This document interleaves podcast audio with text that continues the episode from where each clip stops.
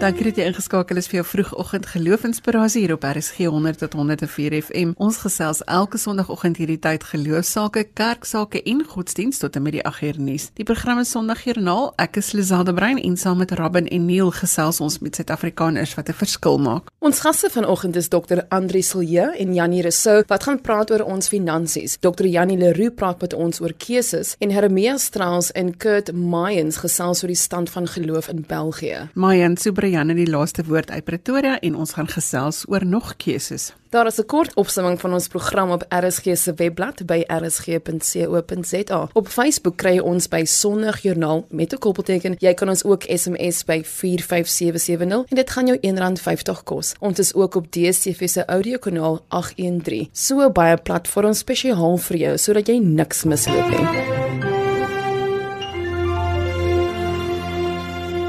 Dr. Andri Silje en Janie Rousseau sluit vanoggend by ons aan en ons gaan gesels oor geld. Nou ja, jy het dit of jy het dit nie, maar op watter wyse ook al, dit het 'n invloed op jou lewe op een of ander manier. Môre Andries? Môre, Lisel. Môre Janie? Goeiemôre Lisel. Julle begin nou 'n bediening en werkswinkels wat gaan oor hoe 'n mens jou Christendom as 'n besigheidsmens kan uitleef. Wat het julle laat besluit om hierop te fokus, Andries? Ek het so 'n paar jaar terug in my gemeente het ons 'n gespreksgroep gehad oor spesifiek besigheid en Christelike beginsels in die besigheidswêreld. En een van die mense wat in die gespreksgroep was, sê toe op 'n dag vir my: "Wie, Andries, die goed wat jy vir my sê is baie mooi, maar ek weet nie wat om daarmee te maak nie." En toe het ek besef maar daar is regtig 'n behoefte daaraan dat die goed wat ons sê, wat ons glo, dat ons dit moet kan vertaal na 'n wêreld wat vir my persoonlik onbekend is. Daai tyd het ek al begin dink, maar miskien moet 'n mens begin met 'n bediening waarna mense doelbewus teoloë sowel as mense uit die besigheidswêreld betrek en waarna mense saam nadink oor wat dit beteken om as sakemens ook 'n Christen te wees of as Christen ook 'n sakemens te wees, liewe.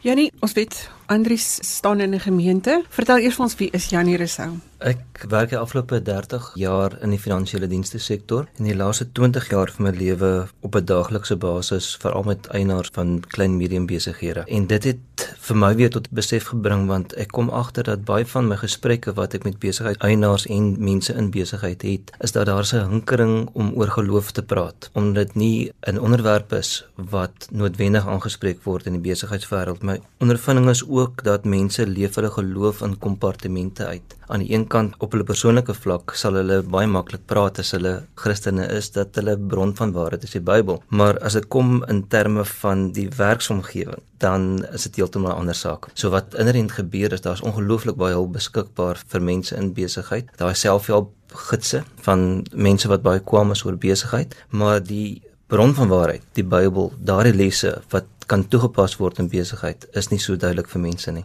Dit is my amper soos om kinders groot te maak. Nee, die kinders kom ons nie met 'n handleiding nie. Nou wanneer jy jou besigheid begin, dan gee hulle vir jou die riglyne van wat jy moet doen met daai menseverhoudings wat gebou word, daai inspraak wat jy nou eintlik het in hierdie ding waarmee jy toe vertrou is. Daarvoor is daar nou nie 'n handleiding wat daarmee saamkom nie. Wanneer dit nou kom by geld, wat is die belangrikste boodskap wat ons aan Christen besigheidsmense sou beoordra, Andries? Wie ek het een keer dit ek nou nie by Christen gelees maar by Joodse rabbi, het hy gesê dit geld is eintlik vertroue. As mense hulle vertroue verloor in geld en in die mense wat die ekonomiese stelsel bedryf, dan val alles in mekaar. Want dit is gebaseer handel, besigheid is gebaseer op wederwysige vertroue. En ek dink ons besef almal dat ons in die sakewêreld 'n paar groot knoue aan vertroue gehad het, dat mense wantroue geraak. En ek dink dit is absoluut noodsaaklik dat Christene sal opstaan en sê maar ons sien dit as ons roeping om betroubare mense te wees in die besigheidswêreld. Ons sien dit as ons roeping om 'n uh, getuienis van betroubaarheid. En ongelukkig is dit sodat mense soms vir jou sê maar as 'n ou te koop loop in sy Christendom in die besigheidswêreld wil ek moet 'n besigheid doen. En ons sou dit graag 'n impak daar wil hê dat mense sê maar as ek 'n Christen sakeman is, dit is wat dit vir my beteken, dit is wat ek hoe ek dit wil uitleef. Ja, nie die woord korrupsie, gebruik 'n mens dit nou in dieselfde sin of wat maak ons as Christene met hierdie saak van korrupsie? Ek trek dit altyd deur terug na etiek toe. Mense is baie graag geneig om te sê daar's iets soos etiek en besigheidsetiek en 'n persoonlike etiek. Nou vir my is daar net een woord is etiek. As jy van nature nie 'n etiese en morele raamwerk het waarbinne jou lewe kan plooi nie, kan uitleef volgens dit nie, dan gaan jy maar sukkel in watter faset van jou lewe. En dit gaan ook oor konsekwentheid van gedrag. So mense kan op jou vertrou dat jy is vandag dieselfde as wat jy gister was en dan behoort jy min of meer dieselfde môre op te tree. En ek dink dis wat maak in die huidige ervaring van insidente wat in 'n samelewing gebeur, wat anders nou verwys dat daai vertroue word geskenk in 'n stelsel, vertroue word geskenk in mense. En ons moet daaraan werk. Ons het nodig om dit te verbeter. Wat sien julle as die grootste uitdagings waarvoor mense staan as hulle sowel getroue Christene as suksesvolle besigheidsmense wil wees? En dit volg nou seker op op die vorige vraag. Ja, ek dink die een ding wat Janie reeds op gesin speel het is dat mense en dis nie net sake mense nie. Mense werk met 'n dubbele boekhouding amper, né? Jy het jou Christelike geloof en jy probeer dit op sekere terreine toepas en dan kom jy op ander lewensterreine en sê maar hier werk dit nou. Nie is tipies van ons samelewing dat jy die werklikheid as gesekulariseerd beleef en sê maar eintlik as ek nou in Tygervallei rondloop, sê nou maar met my kredietkaart, dan my geloof nie meer vir my iets te sê nie, dan is dit 'n kwessie van vraag en aanbod en wat kan ek koop en waar is my kredietlimiet en hierdie tipe van goeder. En Ek glo dat as 'n mens Christen en 'n sakemens wil wees, is die belangrikste uitdaging om weer te besef maar ek is altyd God se mens en hierdie wêreld is as geheel God se wêreld en daar is nie plek vir 'n dubbele boekhouding nie. En alhoewel dit moeilik is om soms die goed met mekaar te integreer, moet dit ten minste ons strewe wees, moet ons mekaar daar ondersteun om te sê maar ons wil besigheid doen as God se mense in God se wêreld vir mense wat vir God kosbaar is. So ons wil altyd vanuit wie God is en wat God doen dink wanneer ons ook met die besigheidswêreld besig is. Gebalanseerd. Ja, gebalanseerd, verseker. Ja, nee, hoe sal so 'n werkswinkel nou ingerig wees? Ek, en kan ek nou maar julle eerste inskrywing wees want ek het waarskynlik nie geld om 'n markete besigheid. Wel, ek dink die belangrike element vir my en ander was gewees om 'n balans te vind tussen om inligting te deel wat die toets van tyd deurstaan het en om prakties te wees daarin. Ons wil graag hê dat mense moet wegstap van die werkswinkel af dat hulle sê maar ek het iets geleer wat ek onmiddellik kan toepas. Ons rig dit ook so in dat elke persoon kry 'n werksboek. Soos wat ons hierdie materiaal gaan werk en ons gaan ons eerste werkswinkel gaan ons vier spesifieke onderwerpe aanspreek. Laat hulle kan wegstap met teksverwysings maar ook die interpretasie daarvan en hoe hulle dit kan deel maak van hulle uitleef van hulle kristendom en hulle besighede. Ek dink dit is so belangrik julle want ons word so oorval met goed deesdae dat jy hul fokus verloor op dit wat belangrik is. So dit kan help as jy nou hierdie vier goed het om op te fokus en 'n bietjie mee te werk. Wat is daardie vier dinge? Janie, kan jy dit vir my sê? Ja, ons tussen my Andries verdeel ons dit so die twee onderwerpe wat Andries aanspreek is om God se meesterplan vir ons lewens te verstaan en wat Christelike selfsorg beteken. En die ander twee onderwerpe is dan om regwaar te weet wie is die eienaar van alles. Maar meer nog as dit die antwoord is voor die hand liggend maar wat doen ons dan mee en wat is die verantwoordelikheid wat ons kry as gevolg daarvan? En die laaste onderwerp is waarom die Bybel ook 'n besigheidskompas is en kan wees vir jou in besigheid Andries, ek wil amper sê sterkte dat jy vir iemand kan verduidelik wat die meesterplan is wat die Here in hulle lewe wil inspreek, maar deel met ons hoe bring jy daai twee temas bymekaar? Laat ek eers sê wat ek nie doen nie, te mense nou eerlik praat daaroor. Ek gee nie vir mense 'n soort van 'n blou druk en sê dis presies wat God wil hê met jou lewe nie. Vir my gaan dit eerder oor die ontdekking van wie God is.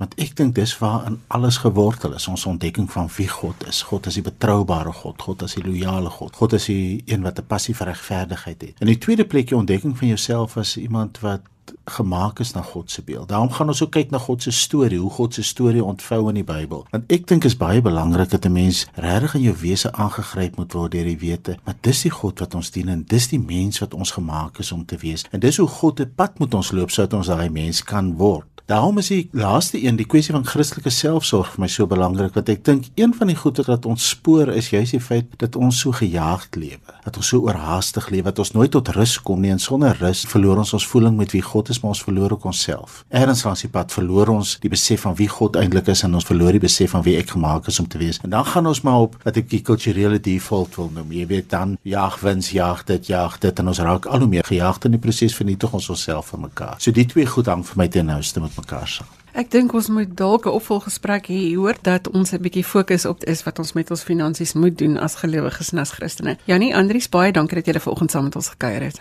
Groot plesier. Dankie. Dit is altyd goed om leiding te kry as dit by finansies kom. Dr. Andri Solje en Janie Rousseau was in gesprek met Lazel. Andri se e-posadres is andries@apsolje.co.za. Dis andries@apsolje.co.za. Ons kan dalk net noem Robin dat die e-posadres of die webwerf waar jy inligting oor Janie en Andri se kursus kan kry is by brightfuture.co.za. Dit is brightfuture een woord .co.za Goeiemôre. Jy luister na Sondagjoernaal waar ons geloof en godsdiens gesels op RSG 100 tot 104 FM. Gesels saam by 45770 teen R1.50 per SMS. So elke nou en dan fokus ons op suiwer inspirasie vir die week wat voorlê en daarom wil ek vanoggend vir Dr. Jannie Leroux vra, wat moet ons doen om te kan floreer? Goeiemôre Jannie. Goeiemôre Lisel. Jannie, jy inspireer ons vandag met hierdie tema vry om te floreer. Wat het jou hieroor laat dink? Wel ek bedoel hier vry soos in vryheid. Hoewel die fisiese daad van soen ook sy voordele het volgens navorsing. Onder andere vertel navorsing dat om jou liefde te soen verhoog die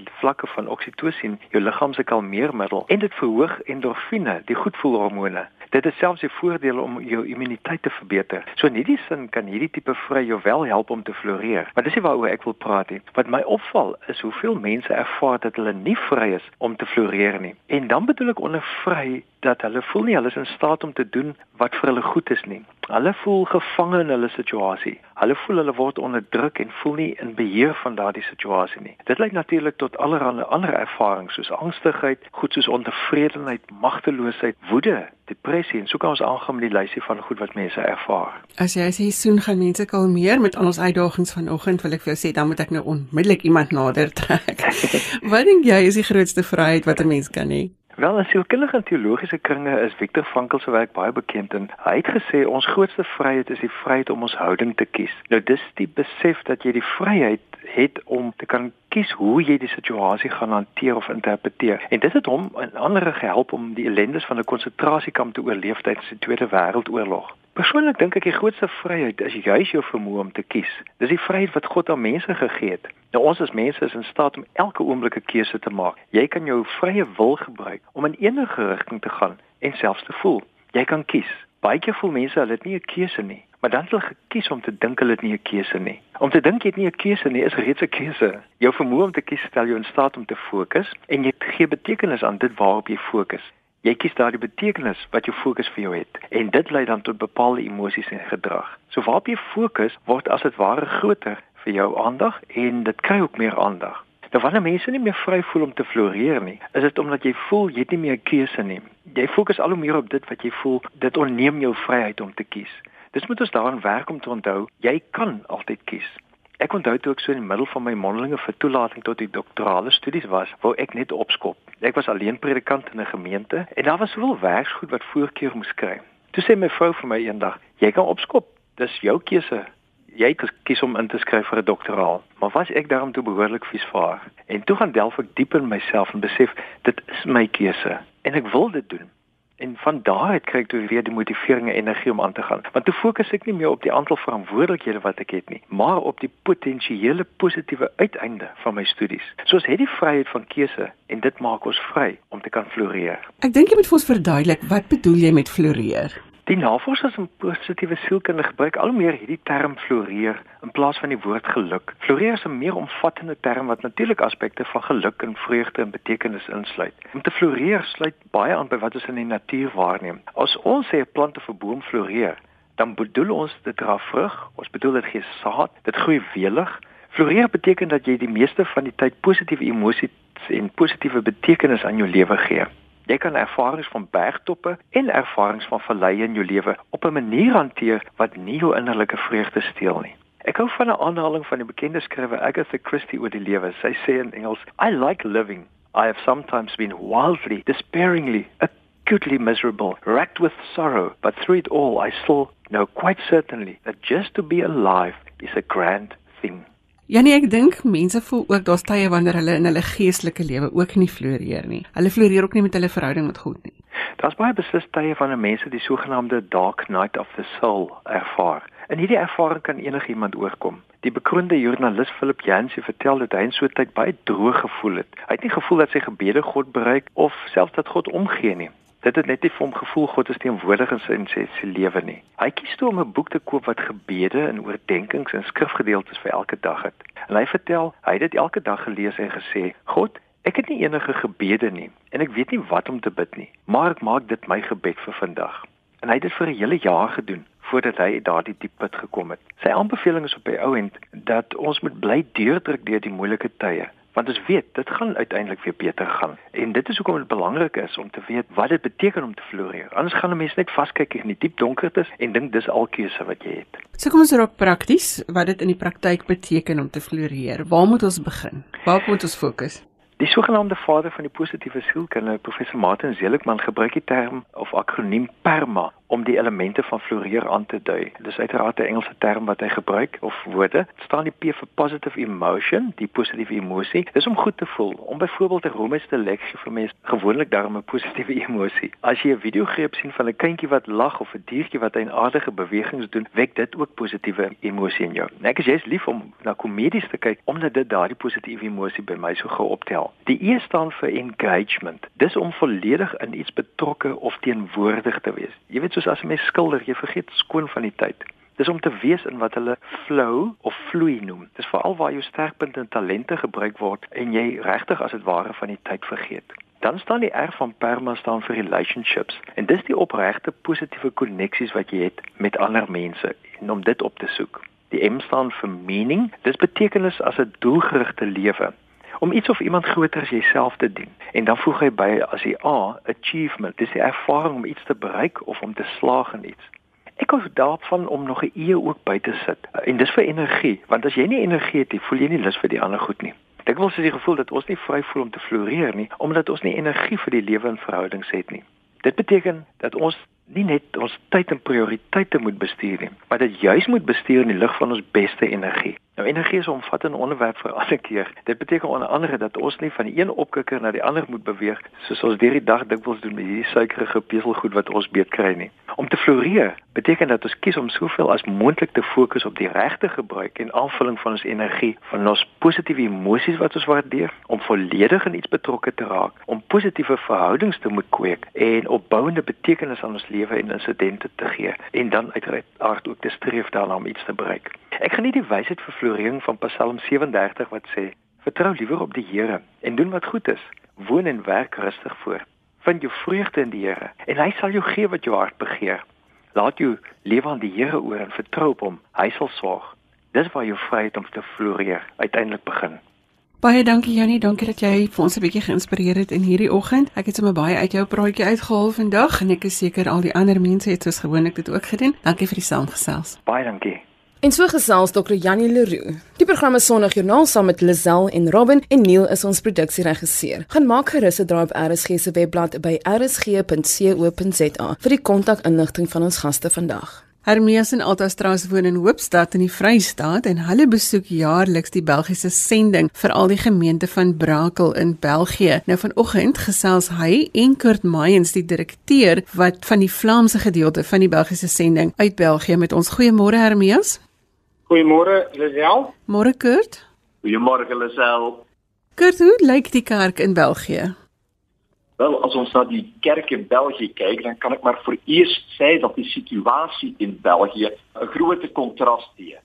Ons het aan die ene kant 'n baie ryk land, maar aan die ander kant, België is geestelik heel arm. Er is maar 1% van die bevolking in België die regtig die Here ken en hom volg. As ek dink aan die geestelike nood en die agtergrond in België, dan kan ek maar sê dat die Bybel vir 400 jaar 'n verbode boek was in België. So daar was nie die woord van God, nie God regtig of Jesus of die werking van die Heilige Gees. En België is regtig 'n arm land. Ons sien dat daar in die geskiedenis 'n groot verschuiving heeft plaatsgevonden. Allereerst was België 'n katholiek land. En daar was vele mense die in die katholieke kerk gingen, maar nie regtig 'n lewende persoonlike relasie met God het. Maar in die laaste 10 jaar is daar 'n groot verschuiving gekom. België is regtig gesekulariseer en ons kan spreek van 'n post-christelike nasie. Op dit moment het ons maar 550 evangelisch-protestantse kerke in ons land. Daar zijn 100 voorgangers en ongeveer 100 zendelingen. Ons het 'n baie groot geestelike nood. Om België gaan geestelik verloor. En die kerke en die sendelinge voel hulle geïsoleer in 'n isolasie. En ons is baie dankbaar dat ons maar kan vertel over hierdie geestelike nood met julle hier in Suid-Afrika. Kurt, wat het die verandering gebring die afgelope 10 jaar? Ek dink dat ek regtig kan sê dat in het begin jy sien vanuit die katholieke kerk was daar nog waardes en norm die daar was in onze maatschappij en het was makkelijker om met die mensen een contact te kan nemen. Op dit moment door die secularisatie is het baie moeilijk om met hulle contact te maken. En ons heeft gezien dat het voor ons belangrijk is om een nieuwe strategie te kan hanteren om België te bereiken. Waarin ons eerst 20 jaar geleden proberen om die mensen naar die kerk toe te brengen, zien ons nu dat ons moet proberen om die kerk naar die mensen toe te brengen en Christus te incarneren in die maatschappij. Hermes, wat is julle belewenis van die kerk in België en waarom spesifiek Brakel? Wel ons was by verskeie gemeente, ons is 22 jaar in België betrokke. Die eerste 6 jaar was ons by verskillende gemeentes betrokke en jy het ervaar hierdie kennismaking, die tweede week ervaar jy die warm harte van die Christene, die derde week groet jy met trane. En 16 jaar gelede het ons in vennootskap gegaan met ons gemeente, in vennootskap gegaan met die kerk van Brakel oorlede dominee Robert Smit het ons in hierdie vennootskap geplaas. Waarby ons dan in hulle uitreik, jaarlikse uitreik om hulle te ondersteun vir hulle bid en dan is daar 'n BZ Belgiese sendingwerker wat onder haar eie volk geroepe is om wel uh, sendingwerk en evangelisasiewerk en bemoedigingswerk onder haar eie mense te doen en sy is in Brakel. So ons gemeente ondersteun haar finansiëel. Ons dra ook by tot haar pensioenfonds vir eendag op aftrede want die EZ werkers kry nie 'n salaris van EZ. Hulle moet hulle ondersteuning kry vanuit die buiteland. Wat betref die Christene in België en jy sien dit op hulle gesigte as jy in die straat loop, 'n vriend van ons het dit nogal duidelik opgemerk dat jy sien die Christene, hulle lyk soos ons wat die Here ken, vriendelik, daar's lewe in jou gesig, daar's lewe in jou oë. En die teenoorgesteldheid daarvan, die nie-Christene, jy ervaar die doodsheid in hulle oë, jy ervaar dowwe gesigte, jy ervaar geslotenheid, jy dring nie tot hulle deur nie. Selfs as jy mense op straat groet, dan kyk hulle jou snaaks aan. Hulle is nie gewoond aan kontak maak soos ons met mekaar hier in Suid-Afrika nie. Ek kan een voorbeeld ook noem dat dit neem jare om verhoudings op te bou tussen hierdie mense en om mekaar te kan bemoedig. Was eendag in gesprek by gemeentelede wat ons goed ken toe al vir 'n paar jaar. Ons het die middag gaan koffie drink by hulle, gegroet en ons het deur hulle tuin gestap en gekyk en ons het gaan sit onder 'n boom, lekker gesels. En ek kyk na die man en ek sê vir hom, "Hoe gaan dit met jou?" Nou ons al ruk daar was. Hy sê, "Goed, goed." Ek sê, hoe gaan dit met jou? En die volgende oomblik bars hierdie man in trane uit. En dit spuit uit sy oë uit. En daardie middag kon ons sit en deel aan sy seer en die seer in sy hart. Nie dat ons moet raad gee of wat nie, maar dat ons vir mekaar bid en as ons daar weggaan, dan bring ons daardie mense pyn en seer saam en ons bid vir hulle. Kurt, wat is die Belgiese sending in Suid-Afrika se taak om dan nou vir julle te ondersteun in België? ja, ons sien dat daar regtig 'n natuurlike band is tussen België en Suid-Afrika. Ons sien dat daar die taal die gelyk is aan elkaar, ons kan elkaar verstaan, ons kan met elkaar kommunikeer. Ons sien ook dat die geskiedenis dieselfde een is. België en Suid-Afrika is beide 'n land wat is oorheers gewees doorheen die geskiedenis en verdeel is. Maar jy sien daar is 'n groot verskil Ek het die voorreg om die vroue monument te kan besigtig in die afgelope week en jy sien daar ook die pyn en die moeite waartoe Suid-Afrika is gegaan, maar in die pyn en moeite was God en die geloof aanwesig. En ons sien daar dat Suid-Afrika regtig iets vir België kan beteken. Suid-Afrika het vir generasie en generasie 'n lewende geloof met God. En die mense het 'n bewogenheid en hulle het 'n gebedslewe wat baie besonder is.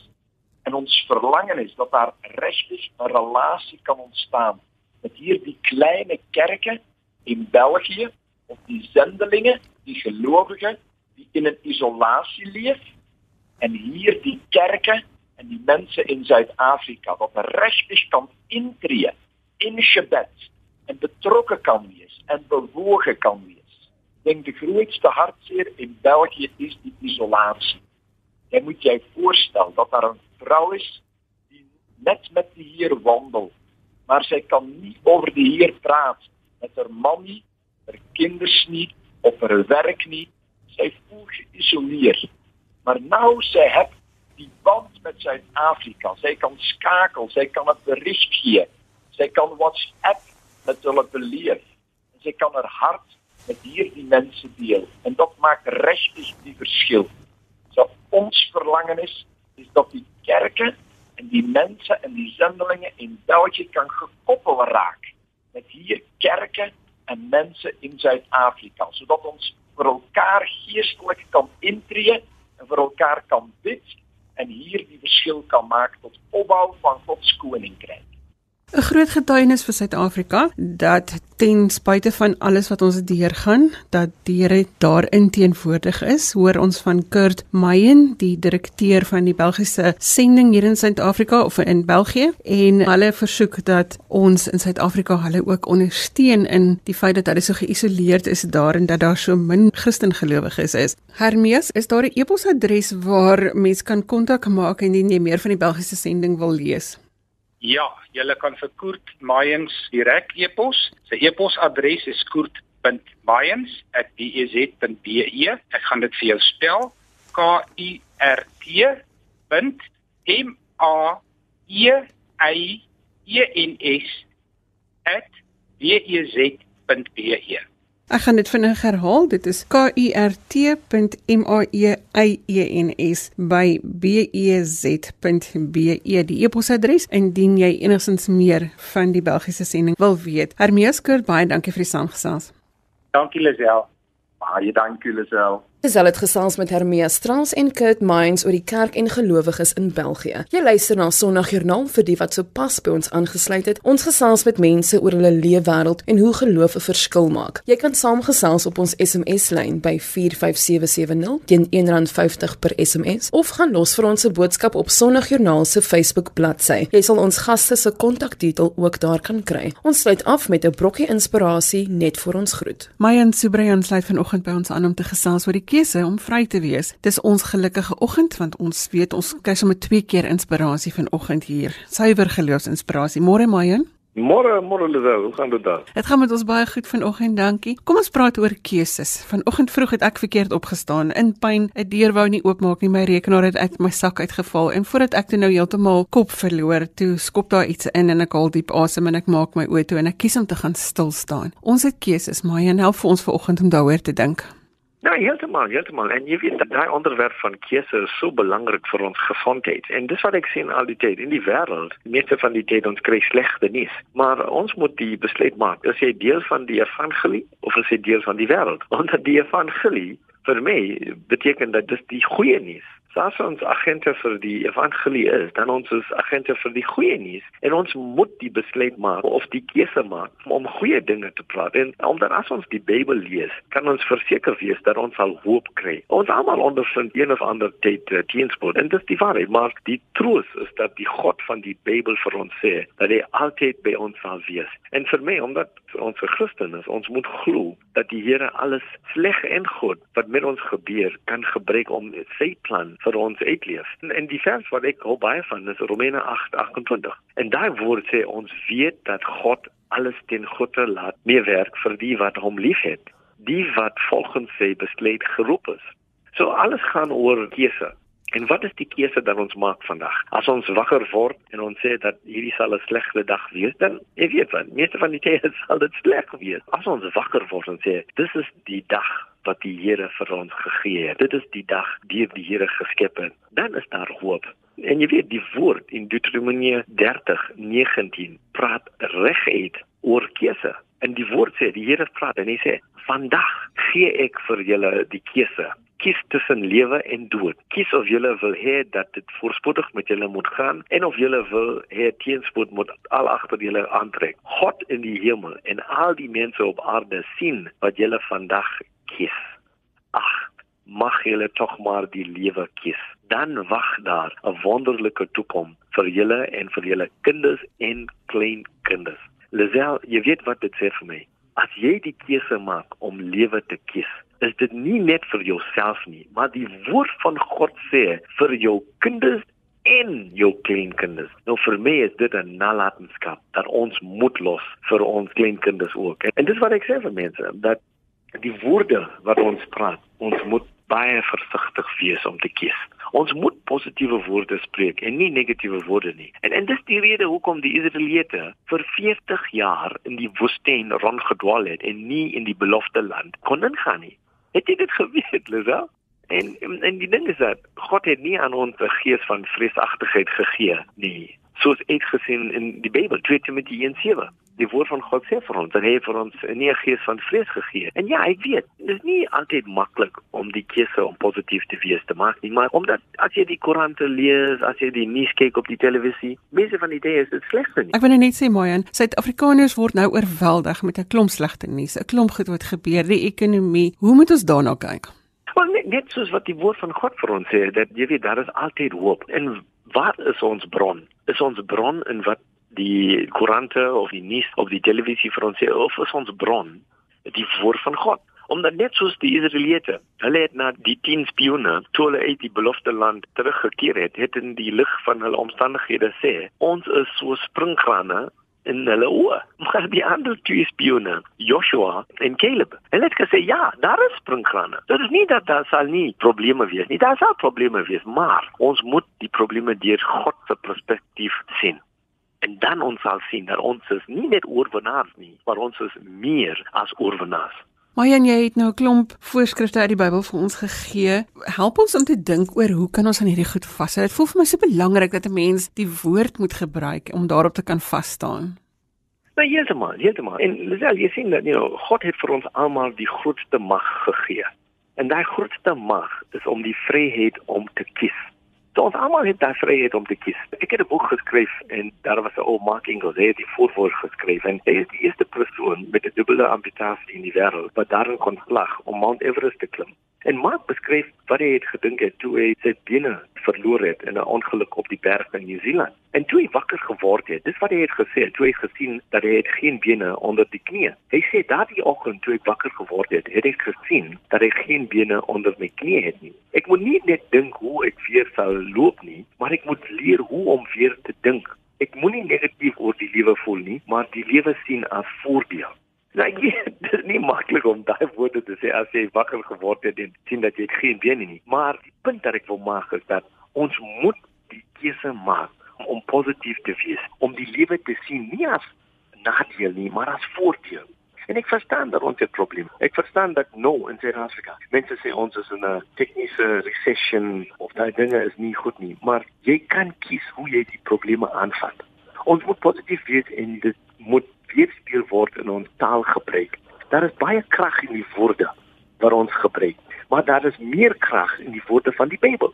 En die storie wat ek gebruik en wat die Here vir my geleer het, is die een van Esegiel. Toe die Here vir hom gevra het, Esegiel, wat sien jy? En Esegiel sê ek sien droebene. En dan moet hy die keuse maak weer of hy lewe of dood sal spreek oor daai droebene. Daar was geen lewe in die bene nie en die Here het hom gevra. Die Here het toe vir hom gesê: "Sê vir hulle, hoor die woord van die Here, droebene. So sê die Here vir Esegiel: Ek gaan gees in julle laat kom sodat julle kan lewe. Ek sal vir julle seënings en vlees aansit en julle oortrek met vel. Dan sal hulle besef dat ek die Here is. En die groot les hierin is net om jou vraag te antwoord, Lisel, is dat in enige situasie waar ons is, as dit negatief is, dan ja, daar is droefhede. Maar ons moenie slegte woorde oor daai omstandighede praat nie. Ons moet die woord van God spreek. In Spreuke 18:21, dit sê vir ons dat daar is mag in die tong. En die woorde wat ons kies om te spreek, sal ons terugkry. En dit is so so belangrik dat ons moet die besluit maak om nie negatief te wees nie. En net soos Esegiel, ons moet die woord van God oor ons omstandighede praat. En vir my is dit een van die belangrikste keuse dat ons kan maak om die woorde wat uit ons mond praat om dit te kies. So die belangrike ding wat ons vandag onderstreep is kies jou gevoelens, kies jou woorde en kies om die negatiewe te oorwin. Mayan baie dankie dat jy vanoggend vir ons help inspireer het. Nee, dit is presies. Dit kan ek afsluit met daai vers van Spreuke, Spreuke 18:21 en die woord van God wat vir ons herinner dat woorde moet tot dade lei. Baie praat sonder resultate sal frustreer maar ons moet saam praat en saam dink het baie voordele. Dit is baie belangrik om daai woorde te kies. Dankie Lisa. En met daardie boodskap van Mayan Suprayan is ons aan die einde van vandag se Sondagjoernaal. Onthou, jy kan ons ook op potgooi kry op RSG se webwerf by rsg.co.za. Ons gaste vanoggend was Dr. Andri Silje en Janie Rousseau, Dr. Janie Leroux, Hermia Strauss, Kurt Mayans en Mayan Suprayan. Volgende Sondag is ons weer hier op dieselfde tyd met nuwe stories uit die wêreld van geloof en godsdiens. Stuur gerus vir my 'n e-pos as jy jou storie met ons wil deel. My e-posadres is lizel@wwmedia.co.za. Tot volgende Sondag sê ek totsiens. Onthou, maak 'n punt daarvan om uit te reik en vandag iemand se dag makliker te maak. Totsiens.